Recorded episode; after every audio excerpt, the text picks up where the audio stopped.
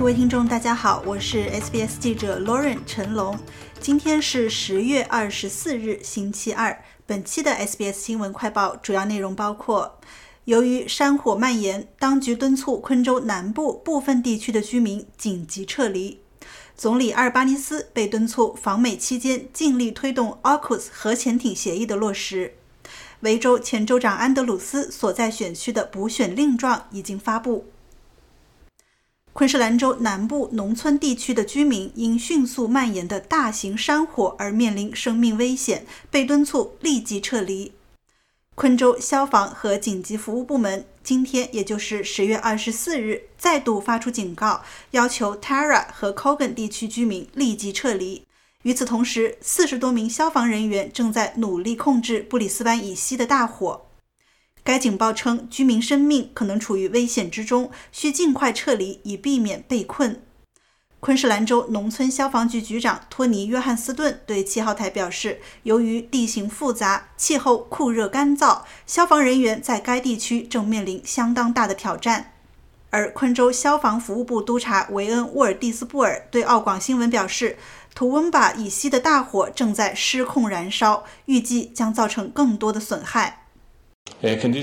目前的情况非常糟糕，昨天已经相当糟糕了，但今天和本周未来几天将会进一步恶化。即将到来的高温及非常低的湿度将使所有的燃料都变得非常干燥。目前火势相当不稳定。昆州当局目前正在监测五十处山火。另一方面，澳大利亚总理安东尼·阿尔巴尼斯被敦促在与美国总统乔·拜登会晤时尽一切努力推动 AUKUS 协议的落实。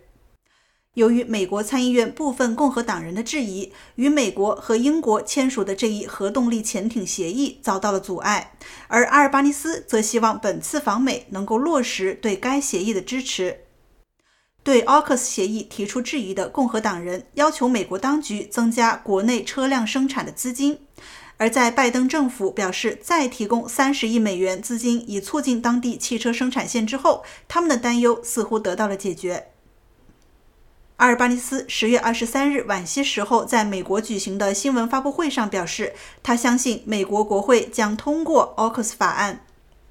澳大利亚参议院反对党领袖西蒙·伯明翰表示，阿尔巴尼斯必须确保前联盟党政府时代国防政策的未来。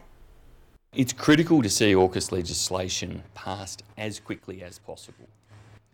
尽快通过 AUKUS 立法至关重要，在投资国家安全和确保 AUKUS 能力交付方面不能浪费时间。因此，安东尼·阿尔巴尼斯在华盛顿时需要尽一切可能加速该立法的通过。维州前任州长丹尼尔·安德鲁斯在任职近九年后，于上个月宣布辞职，其所在选区议员一职空悬。维多利亚州选举委员会已于十月二十三日发布了 Mulgrave 选区的补选令状，并敦促希望争取该选区议员一职的人士尽快获得提名。已注册政党提名其候选人的截止日期为十一月一日中午。而独立候选人必须在次日中午之前提交提名表和三百五十澳元的保证金。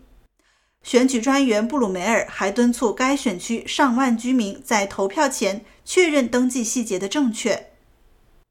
感谢收听本期的 SBS 新闻快报，在任何播客平台搜索 SBS 普通话，点击订阅，开启消息提醒，即可了解澳洲国内外新闻以及社区资讯了。